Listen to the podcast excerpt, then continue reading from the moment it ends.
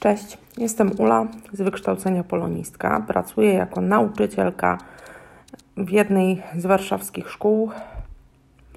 I tak e, sobie myślę, że to daje mi prawo, żeby zwrócić się do Ciebie, drogi uczniu, z takim projektem, z taką e, pomocą trochę, bo wiem, że możesz mieć problem ze zrozumieniem, o czym tak naprawdę są lektury szkolne to nie jest nic złego, nic strasznego, że może nie rozumiesz tego, co czytasz. Nie świadczy to absolutnie o Twojej ewentualnej głupocie albo jakimś niedouczeniu. Po prostu większość lektur jest pisana niezbyt przystającym do współczesnego językiem. Z prostej przyczyny są one starymi książkami. Z jakichś powodów uznano, że stare książki są lepsze od tych nowych i to one mają znaleźć się przede wszystkim w kanonie szkolnych lektur. Dlatego postanowiłam, korzystając y, ze swojego doświadczenia, może umiejętności, przybliżyć Ci trochę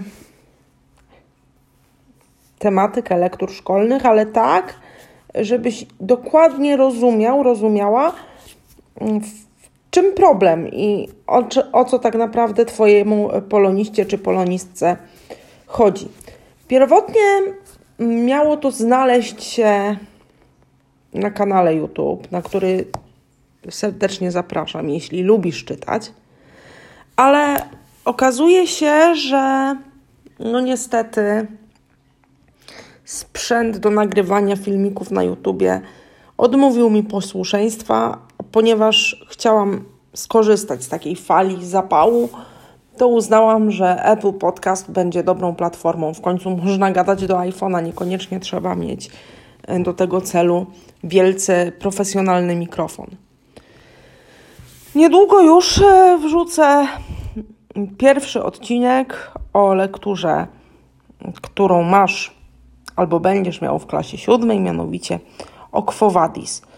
E, a dzisiaj chciałam się tylko z Tobą e, przywitać i polecić Ci to miejsce. Zapytać, czy w ogóle potrzebujesz, yy, potrzebujesz takiego miejsca. Jeżeli tak, to koniecznie odnajdź mnie na Instagramie pod tą samą nazwą, co yy, tutaj kanał podcastowy i daj mi o tym znać.